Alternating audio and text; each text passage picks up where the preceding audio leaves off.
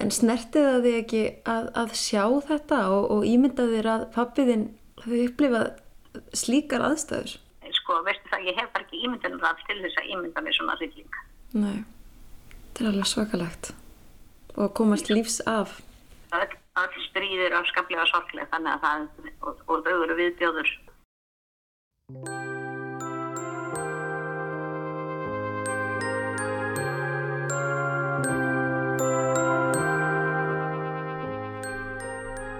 Hér heyrðum við í Yngibjörgu Bjarnadóttur en henni kynist við betur síðar í þetta dagsins.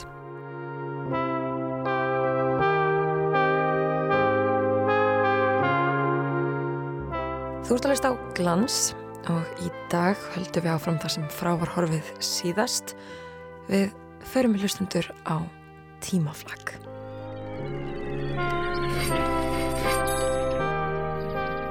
Af handahófi gröfum við gömul hljóðbrót úr safni Rúf og hlustum á með eirum ásins 2020. Við ræðum við samtíma fólk og þegar möguleikir á eitthvað sem að tengist um réttri upptöku. Við flökkum fram og tilbaka, hingað þangað veltum fyrir okkur því stóra íbland við að smáa, rifjum upp misáhrifaríka atbyrði, horfin og óhorfin æfiskeið, sögur sem að snertu marga í einu sem og persónlega sögur sem að snertu aðeins fáa í appfélagsins einn.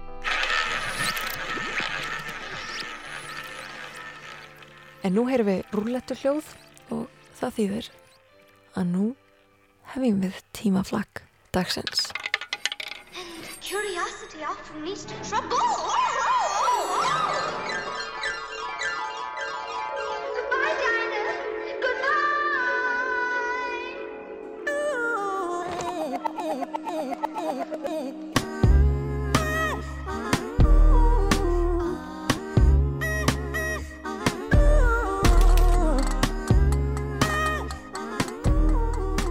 Fyrsta hljóðtakan sem við veljum af handahófi úr útvarfsafni Rúf er frá árinu 1942. Ljáðu mér vangi, grágæsa móðir, ljáðu mér vangi, svo ég geti svifið suður yfir höf. Blikluð hallast blóm í gröf, byrgja ljósið skugga tröf. Hér erum við skaldkonuna Huldu lesa upp úr ljóðið sínu Ljáðu mér vangi. Okkar býður blómleg ei, bak við sund og tinda, bak við sæ og silfur hvita tinda. Eftir mér hún ekki beigð, Íst við drangan háa, sá ég hvar hún leið og leið, langt í geimin bláa, langt í geimin vegalösa bláa. Why would I worry? I'd rather give you my all. I never wanna lose you. Unnur Benediktsdóttir Bjarklind sem byrti skrif sín undir skaldanafninu Hulda fættist 7. ágúst árið 1881. Það þýðir að þegar að þessi lesturinn var tekin upp hefur hún verið 61 árs og þá ekki átt nema fjögur ár eftir ólifuð en hún lest í Reykjavík 1946 eftir langvinn og erfið veikindi. Það þýðir einnig að þegar þessi lestur var tekin upp voru tvö ár í að hún inni til veluna í ljóðasamkefni Líðveldistofnunarinnar árið 1944 fyrir þá líklega sitt allra þekktasta ljóð Hver á sér fegra föðurland.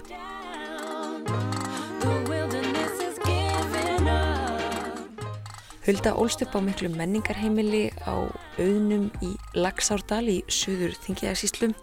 Hún hlaut góða mentun, las töluvert og hóf ung að yrkja.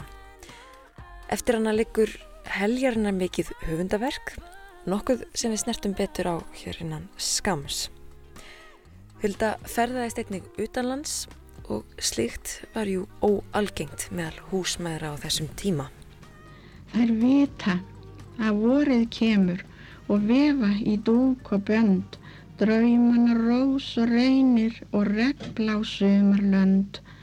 Þær vefa í lund sína ljósið sem logar við nótt og ís, lauf sem end klakanum lifir, lind sem að aldrei frýs.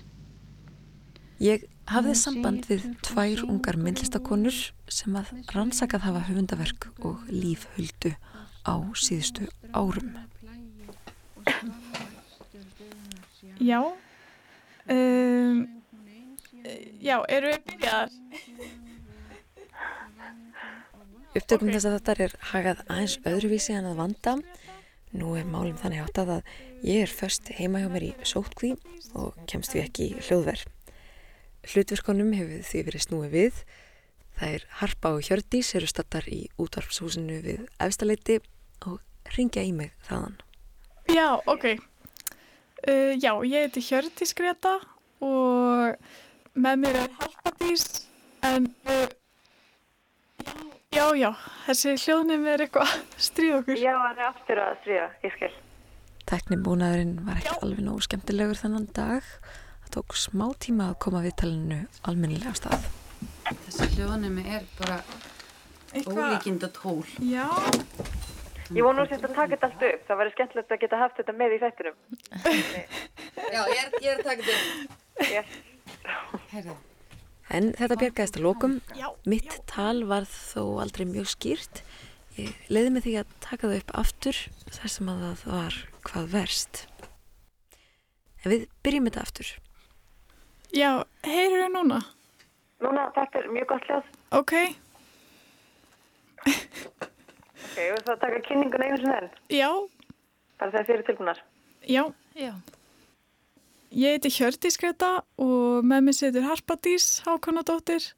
Við erum búin að vinna í verkefni um huldu sem heitir Farsæl, fróð og frjáls frá 2018. Bara að kafa ofan í verkin hennar og þá helst ljóðin. En við útskjöfum spáðar af myndlistadeild Listaháskóli Íslands 2019. Hvenær og af hverju spratt áhugin á huldu? Það var sem sagt í byrjun árs 2018 og við vorum báðar í, í skiptinámi. Ég var í Hollandi og Hjördís Greta var í New York og okkur langaði að, vinna saman og vera með viðburð 1. desember 2018. Þá var sagt, voru 100 ár síðan Ísland varð fullvalda. Og vorum að skoða ljóð sem að tengdust Íslandi og hefði verið skrifað um Ísland og rákumst þá á hver á sér færa föðurland. Og það kom okkur óvart að við þekktum þetta ljóð mjög vel en þekktum ekki höfund ljóðsins sem að var hulda og þannig byrjaði þetta og svo endaði það þannig að við vorum með viðbörð 1. desember sem að var um huldu Það var svona eiginlega skissa að gjörningi sem að átti sér síðan stað aftur síðasta sumar en það var upplestramarathon á ljóðunum og þá byrjuði bara á fyrstu bókinni sem kom út 1908 var það ekki? Eh, 1909 1909 sem heitir Kvæði já og lásum upp í fjóra klukkutíma án þess að stoppa við bara skiptumst á Og komist þið í gegnum öll kvæðin. Nei, alls ekki. Þetta var fyrsti viðbörðin, viðbörðin hérna, fyrsta desember var svona, hann var fjóri klukkutímar bara til að svona sjá hvernig þetta væri og síðan síðasta sumar lásum við upp í heilan dag á hérna, bókasafninu á Húsavík. Þegar þið lásuð upp í heilan dag, náðu þið þá að komast í gegnum allt höfundaverk huldu. Nei, Nei, við náðum að komast í gegnum tvær og hálfa ljóðabók What? Já, Er höfundaverki svona óbáslega stórt? já, þetta eru, hvað, 22 ljóðabækur? já, ég held, já, það er sem sagt ljóðabækur og, og skáldsögur og fleira Já, já, um, Vá. En já, hún var orðmörg, Hulda. Já.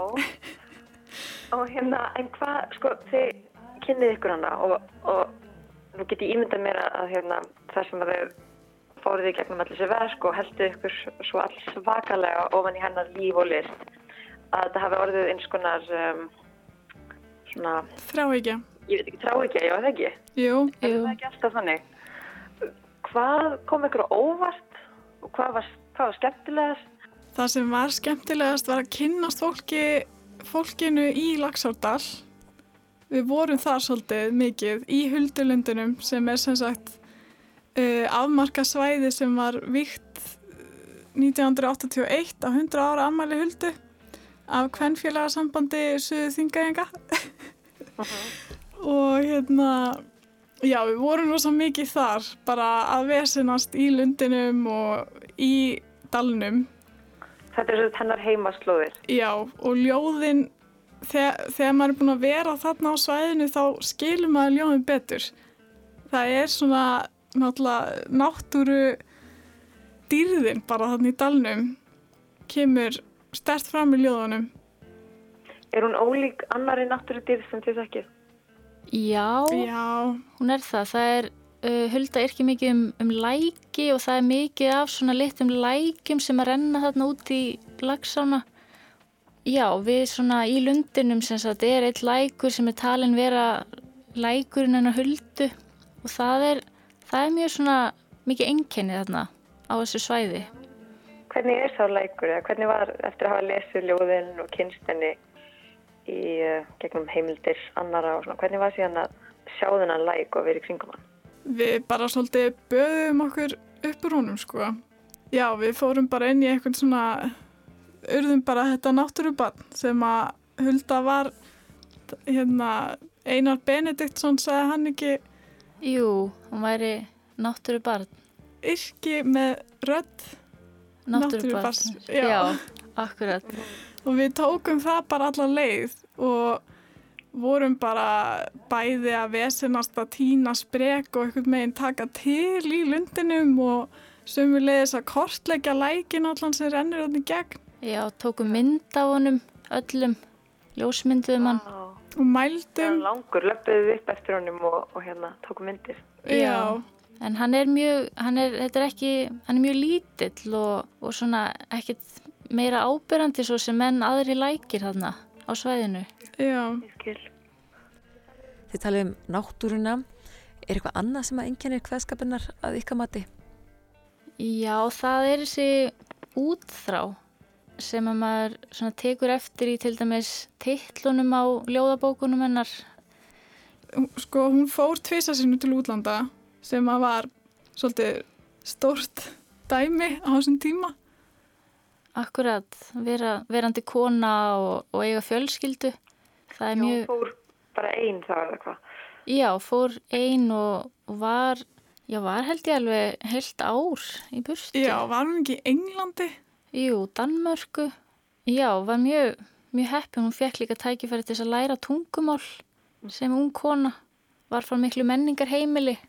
Þannig að, já, það er svona þetta tvent, sko, náttúran og svo þessi forvitni.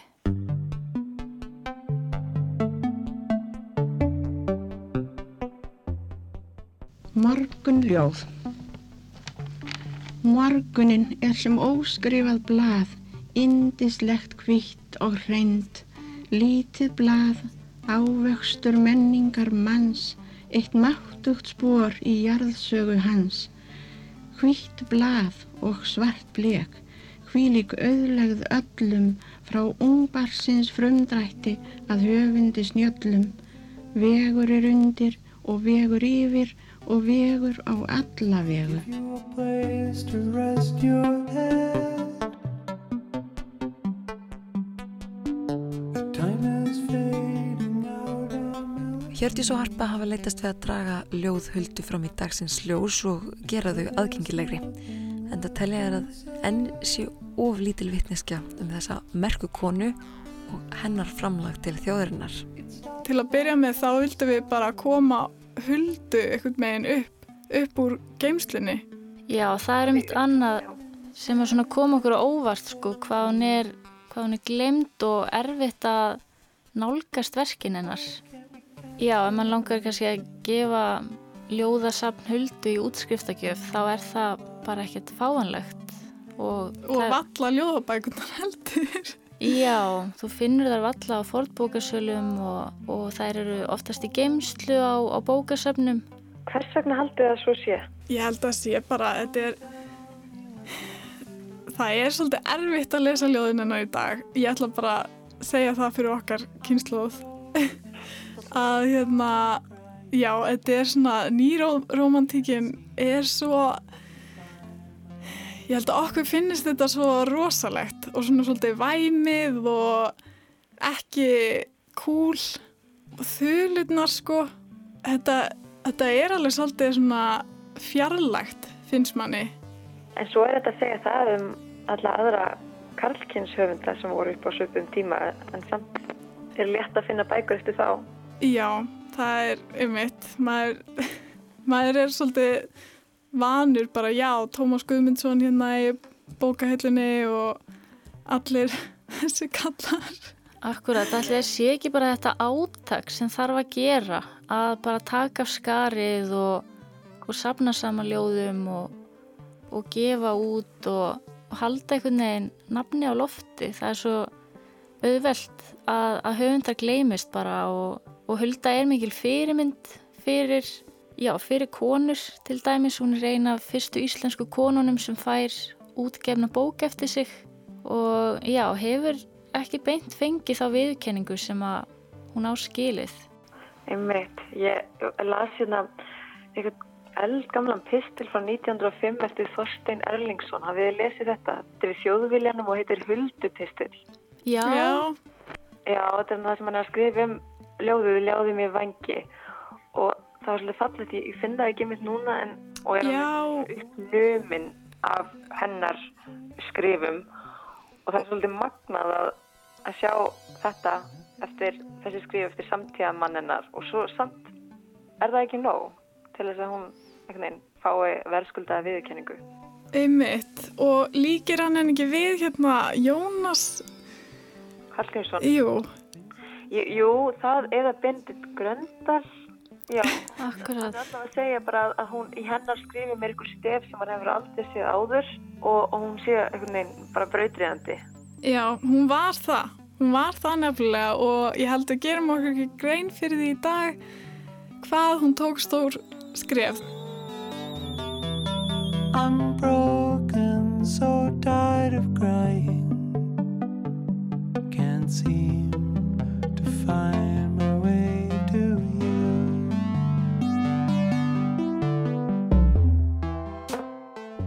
Ég fann eftir það sem að Þorstein Erlingsson skrifaði í þjóðviljanum árið 1905 í þessum svonemda huldupisli rínir hann eins og ég sagði áðan í ljóðið Ljáði mér vangi sem að við heyrðum huldu sjálfa lesa hér upp áðan. Þorstein byrjar rínin á því að segja lesendu frá því að ómeðvitað metan gildi kvæða eftir því hversu vel þau festast í minni strax á eftir fyrsta lestri Það er að segja hvort hann standi sjálfan sig að því að raula ljóðin einn með sjálfum sér eftir á. Svona eins og maður gerir með grípandi tónlistarmelodíur í dag. En það þessi þumabutarregla Þorsteins vel þekkt í tónlistarheiminum standi tónlistamæður sig að því að raula laglínu stuttu eftir sköpun ánvist að lofa mjög góðu. En Þorstein skrifar Þegar ég læri vísur eða kvæði þá er ég ofta að raula þau með sjálfum mér lengi á eftir.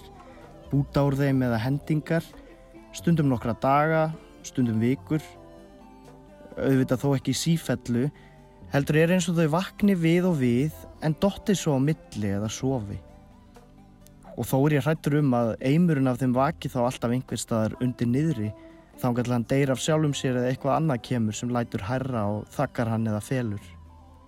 Síðan hef ég mátt reyða mig á það að mér hefur varta nokkur tíman setna þótt koma til þeirra kvæða sem ég lærði ekki eitthvað úr í fyrsta sinn sem ég sá þau, hvort sem þau voru ný eða gömul. Núna í vor var orðið langt síðan ég hafði lært kvæði eftir nokkur mann, síst heilt. Ímislegt laglegt hafði ég séð hér og hvar, en varla ein hending tollað í mér.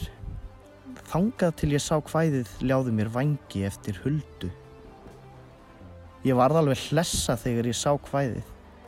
Mér datt ekki lifandi hug að þess konar kvæðir þeim svona orð nú á dögum. Meðferðin á efninu, reymurinn og rýmið fannst mér allt vera komið úr öðrum heimi en þeim sem ég var vanur að sjá og, og bjóst við að sjá. Það var ekkert eða lítið í ætt við allan skálskap okkar hinna. Ég hafði aðeins við og við heyrt óma úr þessum heimi í ljóðum íslenskar skálda en ég var strax alveg vissum að ég hafði aldrei heyrt úr þeim heimi eins innborin og óblandaðan hljóm á æfiminni eins og þennan. Mér fundust þessir tónar ennþá eiginlegri en samskynst tónar hjá Jónasi og Guðmundi Guðmundsinni og fannst mér það þó líkast þeim en hér fannst mér þetta standa ennþá dýbra. Mér fannst svo mikið af veru söngvarans vera í þessar og hinnum þulunum í bókinni, meira enn hjá þeim. Þeir voru aðeins ferðamenn í þessum undralöndum, mér fannst huld að vera alinn þar upp.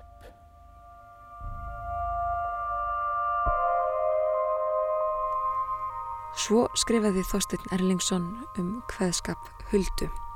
Sigurjón Jóhansson las. En aftur að samtala okkar Hjördísar og Hörpu. En hver er sagan af bakið nafnið Hulda? Nú heitir hún ekki Hulda, nú heitir hún Unnur, Benediktsdóttir Bjarklind. Hvað vitið um þetta nafn? Sko, þetta er svolítið magnað því að við erum búin að grúska svo mikið og að því hún er svo fjarlæg okkur þótt að við heyrum upptökuna frá henni að lesa upp og, og við erum búin að sjá hand, handskriftin hennar Já, við fórum á, á héraskjálasafn Þingeinga og, og komumst í gömul bref og handrit og þá sjáum við mitt skriftin hennar og það er mjög merkilegt að það er eins og hún sé svona eitthvað að pæla því að það er oft stundum hefur hún skrifað hulda og strykað yfir það eða skrifað hulda og gert svega utan um það. Mjög oft gerur hún þetta Vá. en hún skrifar aldrei unnur. En hún er svona í basli með það hvernig hún eigi að titla ljóðin sín. Já.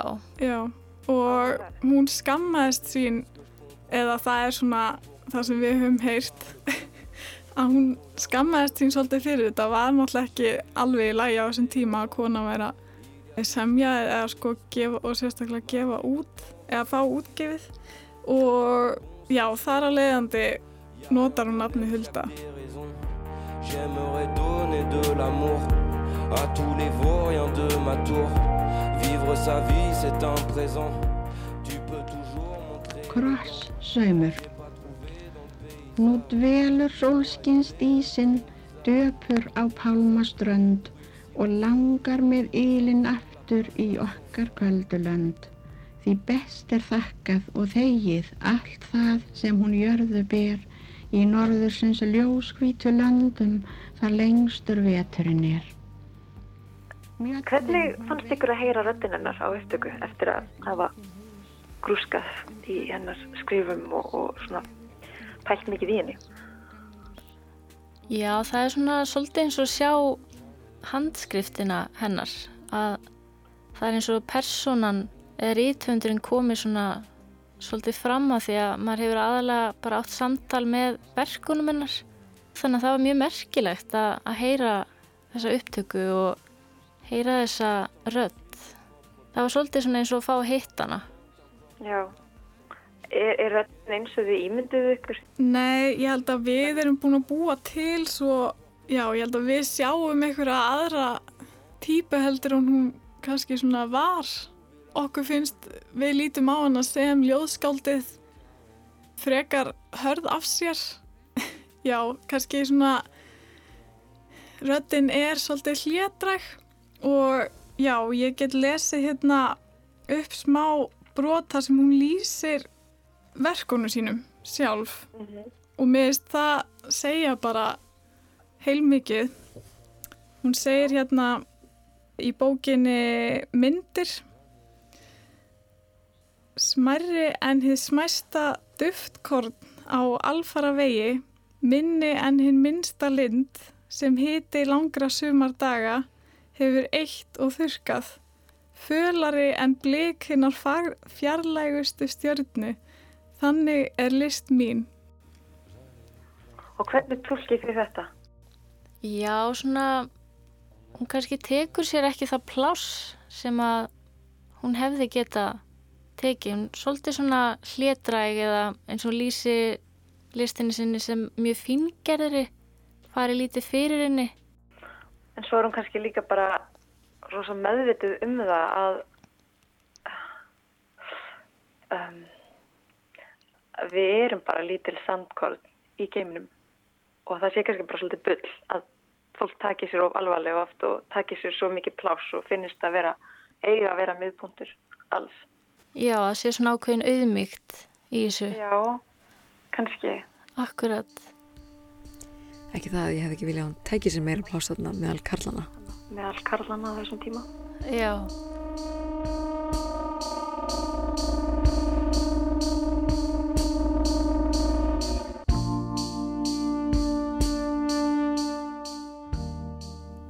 Við rættum á lokum umræta upptöku af ljóðalestri Huldum. Þar leys hún upp þrjú ljóða sinna, Ljóðum í vangi, Morgunljóð og Krossaumur. Það er líka merkilegt sko þessi upptaka er frá hvað, 42? Já. Þá er hún einmitt, um, hvað er fjórum árum áður hún deyr og það er svona ákveðin tími. Þá er hún að lesa kannski ljóð sem að hún orti þegar hún var hung. Svo er hún að lesa þetta þarna á efri árum og svo eru við að hlusta á þetta í dag. Og já, það er mjög, mjög svona dýrmætt að þessi upptaka sé til og að röttin hennar sé, hafi varðveist. Algjörlega. Það er það bara einn loka spurning og hún er svo ef að þið getur ferðast aftur í tíman fengið að, að verja einu degi með huldu hvers konar samtal viljið eiga við hana? Já, ég myndi vilja hitta hana í Lagsardal. Og, Já. Og hérna, ég myndi vilja fá að vita hvaða lækur er hennar Já, lækur. hvaða, einmitt. það er svo mikið, margir lækir þarna. Já. Já. Þannig að þið viljið ekki spurja nú út í dýpstu leyndamálin eitthvað svona persónlegt, þið viljið vita nákvæmlega hvað lækur er hennar lækur. Já, það er, það er ofalega á listanum og svo, svo auðvitað bara spjallum lífið og, Já. og svanina og Já, bara svona um ímislegt sem við höfum heyrt og kannski, kannski viljum ekki ljóstra upp. Ég segi bara takk kærlega fyrir þetta, takk fyrir að segja okkur nánar frá huldu og ykkar rannsóknum. Já, takk fyrir okkur. Já, takk fyrir. Eftir mér hún ekki beigð, Íst við drangan háa, sá ég hvar hún leið og leið, langt í geimin bláa, langt í geimin vegalösa bláa. Unnur Benediktsdóttir Björklind, öðru nafni Hulda, las þarna upp úr ljóði sínu Ljáðu mér vangi. En þá heyru við ágæta rúlettu hljóðið sem þýðir að það er komið tími fyrir næsta hljóðbrot.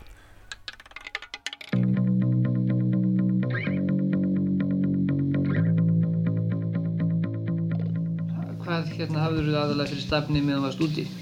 og allra handana sko ég, ég var í járnsmíði, tunnusmíði, húsasmíði, bátasmíði og alltaf í Kanada? Já, ég var alltaf í Kanada nema þegar ég fór í stríðu. Gestur Þorgrimsson og Páll Bergþórsson dagskrákjaðamenn Ríkisútofsins heimsækja hér Bjarnar Víborg Guðmundsson bónda og ferjubakka í Borgarfyrði árið 1958. Bjarni fættist 1892 og hefur því verið 66 ára gammal þegar að þetta spjall átti sér stað.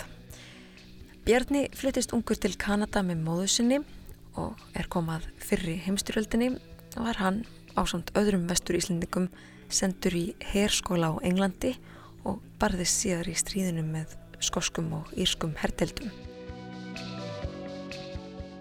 Lýsingar hans af výlínunni og skotgröfunum eru stórmerkilegar. Já, þú fórst í stríðið? Já, þá, þá fór ég á herskóla í Englandi. Já. Og var þar í, í fjögur ár. Svo fór ég, svo var ég hérna lesjálfur en tíma í Kanada og nýrinn í Íslandi fyrir Íslandinga. Nýr á Gimli. Já. Þá var ég þar Íslandingana þegar við fórum í stríð. Voru það allt, voru allt Íslandingar í Allt þessari, þessari sveit? Já, allt Íslandingar. Og stjórnar þú þessari sveit? Nei, ekki þegar ég kom úr víðurinn. Þá fór ég í skoska. Nú, já. Skotar og írar sem ég... Og heldur það að huldukonan hafi fyllt þér á vikstöðarnir? Já, já, það var nú enginn. Ég vissi alltaf, alltaf hvað, hvernig gekk í hverju orðstu áður, nóttin áður. Já. Ég. Ég vissi akkur hvað, hvað, hvernig ég væri bara alveg. Alltaf ásaka. Já. Hér er best að staldra aðeins við vegna þess að fyrr í samtalinu hafði Bjarni sagt dagskrargjarnamannunum frá því að hann væri berðdreimin og fengi stundum fyrirbóða um hérna ymsu hluti. Þegar hann er spurður hvað hafi mótað mest líf hans, svarar hann. Það var skrítilegt nokkuð. Og enn þann dag í dag, ég hef alltaf fyrirbóðið fyrir ýmsu svona sem kemur fyrir mig. En hvaðan heldur þú ko- komið þessi gáða að geta sér hlutina fyrir? Já, ég, ég... Áttu, áttu þér draumkonu? Ég átti alltaf huldukonu hérna heima þegar ég var smali. Hún spalaði alltaf fyrir mig. Já. Já, já. Og uh, meira að segja að ég hitt hana þegar ég var komin í draupi, sko. Ég hitt hana þegar ég var komin til Kanada. Hún smalaði fyrir mig og aldrei vantaði mig kind. Og aldrei þurfti ég að smala. Það var, það var, það var aldrei eftir að halda neitt smal og sanderi. Þar var ég spali í, í haldanar ári og áður ég fór. Og það var svo vant að smala. Það fór norður, um, norður fyrir Núb og norður um allar heiðar og allstaðar. En það var bara svo þegar að hún sagði ég þurfti ekkert að vera að leita þá þurfti ég ekkert að kveia því. Og alltaf hef ég verið heppinn með hér.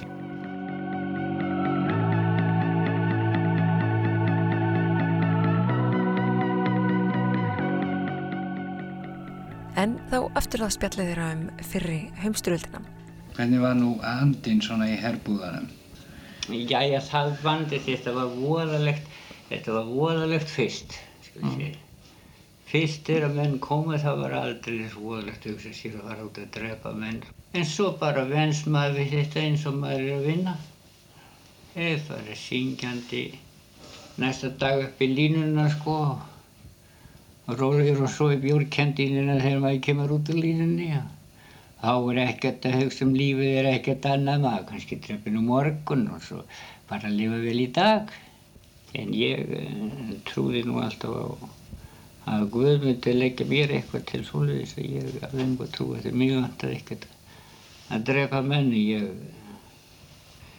býtti nú skapaður nátt að það ég þýrst aldrei að reyna það, ég komst heldur aldrei svo í neitt svoleiðis að ég þýrst alltaf á því að Ekki neitt ná í? Í einu skipti ég kom það, það bara tók ég að hafa fangu sko. Var ekki lífið til breytingalítið í skotgröfunum? Það var nú stundur svona skemmt sér á kveldin og drukkinn bjór og, og sungið og, og spilað. Og. Það var ekki hægt nema þegar helst þegar það var e, verið að bombarda sko þegar allar byssurnar voru í gangi. Já, annars myndi e, maður gefa þjóðurinn sko hvar maður, til kynna hvar maður væri þegar allstar voru ljóstara til að hlusta sko, til að reyna að komast eftir hvar maður væri.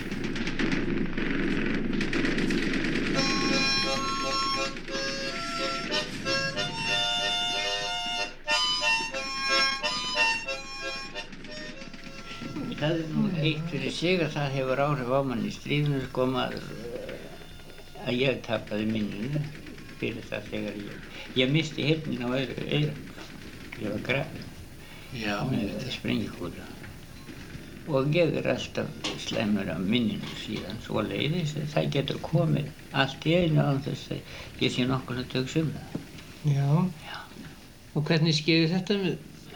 Það var sem þið kalla þessar þessi roundjars þessu stóru kúlu sko kom og við vorum að fara eftir trensi og, og það gróf okkur og draf fjóra en ég lifði það. Og hvað heldur það hefur verið lengi þannig græðin? Ég veit það ekki hefur vist. Það, það, já, nokkur lengi líklega. Líklega halvaran á sólarinn. Þegar ég er ekki að við sko þá fannst mér hausinn vera dofin öðru megin. Ég skildi ekkert í því svo þegar ég það þá, þá hérna fór ég svona með hendina og þá uh, kom blóð á fingurinn sko. Og svo ég, læknirinn sagði það hefur bara ripnað írdróman. En slafstu við fleiri áverka í styrjöldinni? Nei, ég fekk nú daldi slæmur í hand, ég er alltaf skakk, með skakkan handleggi. Og svo fekk ég kúri hérna í gegnum vörina. Já, já. Átta styrst. Það eru í gegnum öxlinu og eina undir herðablaði og hún kom út eftir tíu ár hérna út úr öxlinni. Ég var þá á Eskilði. Hún var tíu ára leiðin. Það var Mattías sem tók hann sem var á landakvæði. Mattías Einarsson? Mattías Einarsson. Ég hef orðið svo frægur að ég hef fengið taka þýska kúl og manni sem þannig ég má í stegana. ég held að það í stegana. Þegin og lasta við hann. Já, ég hef ekkert með það að gera.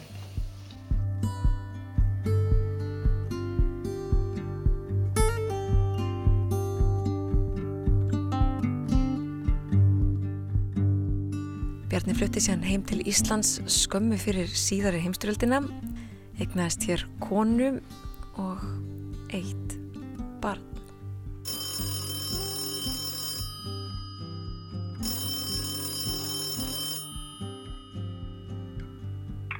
Halló, Hæ, hæ, þetta er Anna Gíða. Anna Gíða. Já, á rás 1. Já, já, já, já. Blessuð, er ég að ringja á góðum tíma? Já, já. Ég bað næsta viðmælenda um að kynna sig formlega. Ég heiti Ingi Björg Bjarnadóttir og ég er dóttir Bjarnar Víborg og ég er náttúrulega hægt að vinna fyrir löngu því ég er orðin svo gömul, Hvað ertu gömul? 83 ára. Þú ert eina barn, Bjarnar. Já, ég, ég veit ekki betur.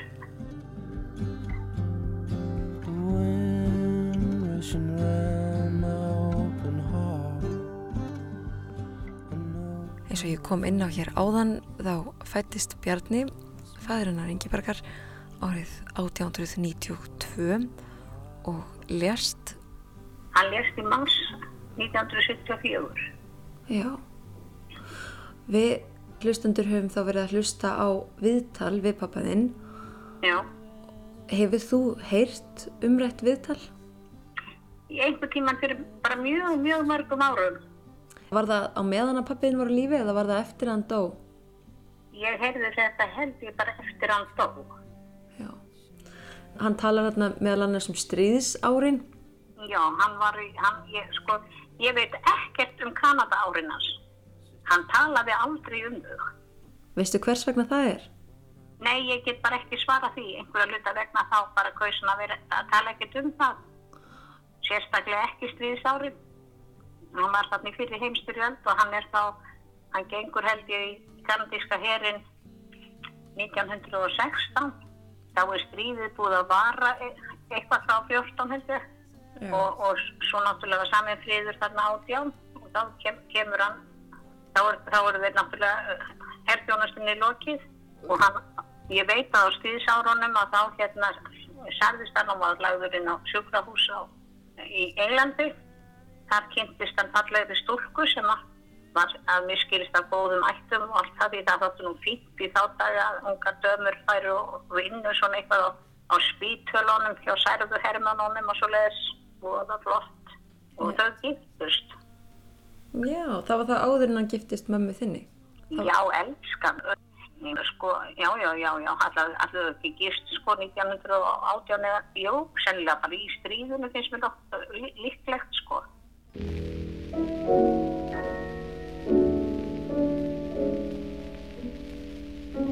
Zwei Jahre war ich deine Braut und hab dir grenzenlos vertraut. En eh, hún fór svo segna með honum til Kanada og þá náttúrulega kom það nú í ljós að herinn hafði nú heldur betur vögvaðan þessaðan kallinn og gert hann ákvæmlega þurfandi fyrir það að vera vögvaður. Já. Nú talaru máli sem að ég þekki ekki alveg, vögvaður, erum við að tala um áfengi? Já, Já. við talum áfengi. Það held ég hafi aldrei skort í stríðinu þó að skorti mat og allt mögulegt. Ég, ég held endilega hreint að kanadíski herinn hafi verið svona ralfullur allan tíman. Já. Þú veist af þessu en hann talaði ekki um það við þig? Nei, hann kom bara heim sem ákvæmlega vínþurfi. Já, ég skilji. Það er nú svolítið magnað að það hafi alltaf verið vín til bóða í stríði. Ég það er alltaf hægt að koma því einhvern veginn. Svo verðist vera. Já, já.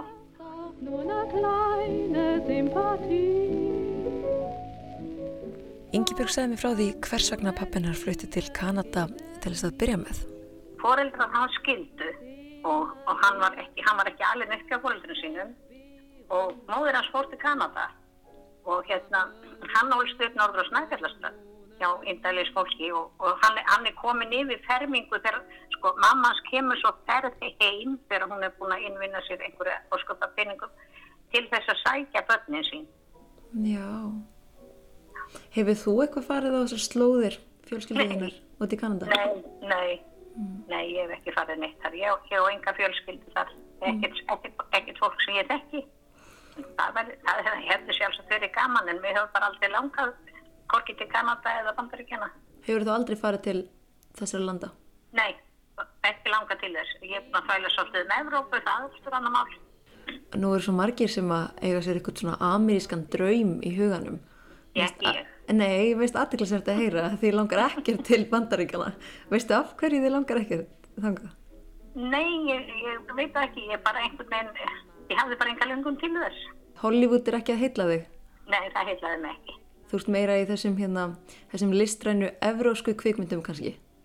Ég, ég veit nú ekki hvað ég var að segja um það, ég, nú- ég sko, fóröldra mínu bjúku upp í sveit fyrir þess Mm og, og það var nú ekki mikið um kvikmyndasýningar í sveitinni. Svoleiðis að ég fór nú ekki mikið í bíó sem krakki og þannig að ég átt aldrei neitt amerískan draum og á ekki enn.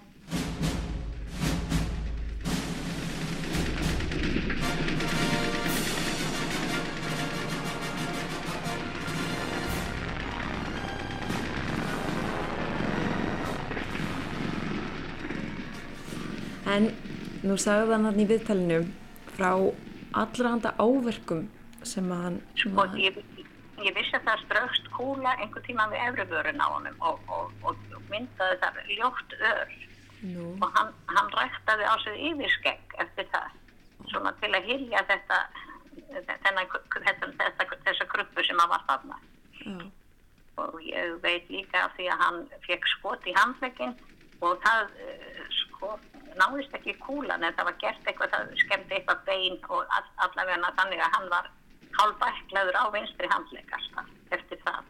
Og þessi kúla hún grefur út tíu árum setna. Já, á, á allt öðrum stað, ekki satt? Jú, hún, hún, hún, hún hafði, sko, þetta var, þessi meðsli voru við honum, eða, eða kúlan lendi þar og hún náðist ekki þegar gert var, við þetta, sagt á ennsku spítala, en aftur á móti þá, það grófi í, þessu, við, á upphandlegnum á honum. Já. Og þá, þá var þessi kúla tekin tíu árin setna og þetta, þetta, þetta gat á handlegnum á honum, þá holdvistist aldrei. Það skingaðist en það var alltaf gat þarna, inn í, inn í vöðvann. Manstu vel eftir þessu gati? Já, já, já, já, ég man vel eftir þessu. Ég man eftir því þegar ég var bara smákrakki að ég gæti stungið lilla putta í það og fannst þetta alveg stórkoslega merkilegt. Já. Úf. Svo sagði hann líka að hann hefði mist heyrna á öðru eiranu og, og einnig að hann hafi alltaf verið slæmur af minninu eftir stríðið. Ég það getur alveg verið. Ég ætla ekki að reyngja það. Ég, ég bara, sko, hann var ekkit minnislaus sem sagt með sína setni æfi á Íslandi. Nei, nei. En, En- þetta, en- Ég, hann hefur sér styrka út það sem hann vildi ekki munna. já. Maður náttúrulega getur ekki ímyndað sér hvernig þetta hefur verið þarna í, í fyrri heimstyrjöldinni. Maður sér þessar stríðsbíómyndir í dag og var skotgrafirnar, þetta er svakalegt. Já, við fórum einhvern tímann og safn út í Skotlandi, já, og það var í Edinborgarhöll. Þar var svona sem sagt búa, útbúa, náttúrulega bækur gler, eftirlíkinga skotgröf. Það var ekki, það var ekki vislegu staður. En snertið það þig ekki að, að sjá þetta og, og ímyndað þér að pappiðinn hafi upplifað slíkar aðstæður? Sko, veistu það, ég hef bara ekki ímyndanum það til þess að ímynda mér svona rilling. Nei, þetta er alveg svakalegt. Og að komast lífs af. Öll, öll stríðir afskaplega sorglega, þannig að það, og, og þau eru viðbjóður.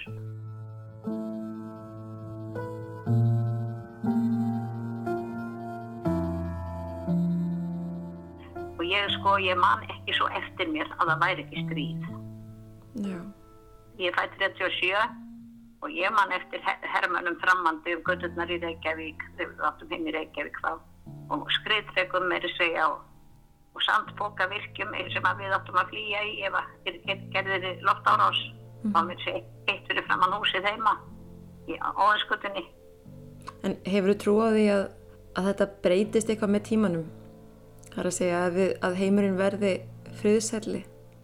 Sko maður getur ekkert gert nefn annað heldur en að vona og við, við sem erum kristið fólk við bara vonum það en ég held að því miður þá sé svo mikil ilska í okkur mannfólkinu að það verður sérlega aldrei.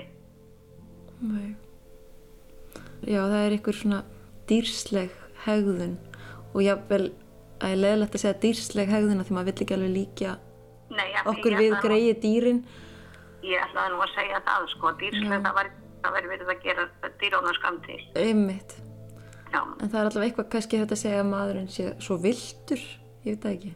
Ég veit ekki, við erum bara eigingjötn og skaftbráð og, og svo erum við til, til í að dýrka brjálaða menn eins og Hitler var dýrkaður til dæmis og Stalin. Mm Og við erum til í að upphefja egóið og Já, narsísisman.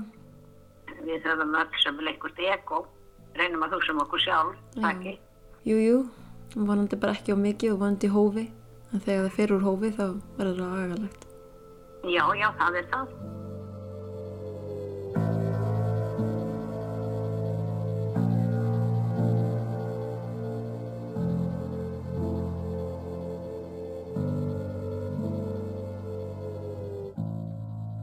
Varstu nokkuð með indjánum fyrir vestan?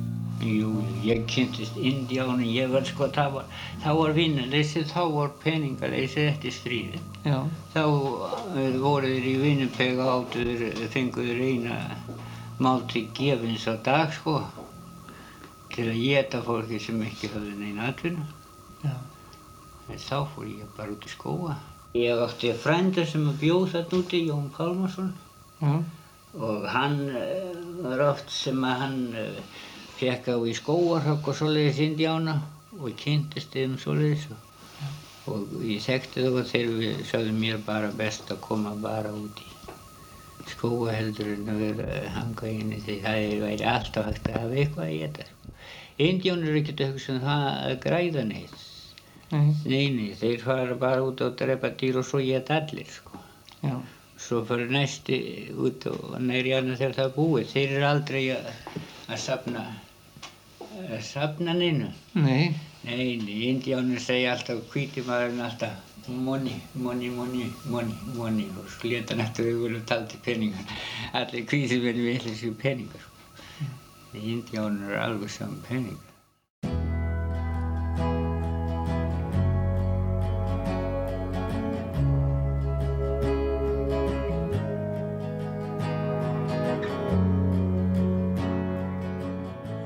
Pappiðinn virðist hafa kynst indjánum. Hann segir það í viðtalinu. Já, hann, hann lá ekkert á því að hann hefði verið allavega einn vetur með indjánum. Þá voru þeir á einhvern loðskina, já, veiðum, einhverju, fjóra veiðum með einhverju. Það er nú heldur betur áhugavert. Saðan þeir sögur af indjánum varst lítil. Nei, hann geti það nú ekki. En hann bar þeim afskaplega vel sögu. Já, maður heyrir það. Já, þetta var afskaplega indislegt fólk í, hans huga. Mm. Það, sem, það sem hann kynntist. Það, það var ekkit indjána bardagar þarna í Kanada. Nei, það er mér svolítið skemmtilegt. Hann hefur eftir indjánunum að indjánarnir geri svolítið grínað kvítamanninum. Þeir segja að kvíti maðurinn hugsi bara um peninga. Money, money, money, segir hann Já. hann í viðtalinu. Finnst það nú rýma ágætlega við hvernig þú talar um, um hérna, hvað maðurinn getur verið á villigötum þegar kemur að stríði. Já, já, þetta, þetta, við, ég botna ekkert í mann, mannskefnunum að kannski sjálfur mér og illa það. Já, einmitt. Kannski stundum erfiðar að botna í sjálfum sér heldur en öllum öðrum. Ég, ég, ég skal ekki segja um það, en, en sko, maður reynir nú að hafa bæði þólinn með og sjálfstjórn, það þýðir nú lítið annað. Já, já, já. Ef að láta það vera að loka orðin, að mannskeppnan er, já, torskiljanlegt fyrirbæri. Já, hún er það. Ég ég get alveg tekið undir það með þér. Og við ættum kannski öll sömulega að hugsa pínulítið minna um peninga og meira bara um mannin. Já, Ég, mér finnst það. Ég hef einhvern veginn komist alveg af í lífinu án þess að eh, þurfa endilega að eh, fylla allt eh, í kringum mig af einhverju flikri og tóti. já. Það er ekki einmitt líka núna á þessum skrítnu tímum, þessum, COVID-tímum. já, kannski Já. Ágætt áminning einmitt núna. Já, já, það var nú gengið misar pláur yfir veröldina sko, en, en það, við höfum ekkert batnað við það. Nei, ma mamma vona núna allavega. Kannski breytist Já, eitthvað. Já, já, maður, maður heldur alltaf í vonina. Það býðir ekkert annað. Og þegar maður er svona gamall eins og ég, að þá er maður bara sáttum bæði við Guð og menn. Já. Já, já, ég, ég segi bara takk kærlega fyrir þetta, Ingi Björg. και ο καθένας ο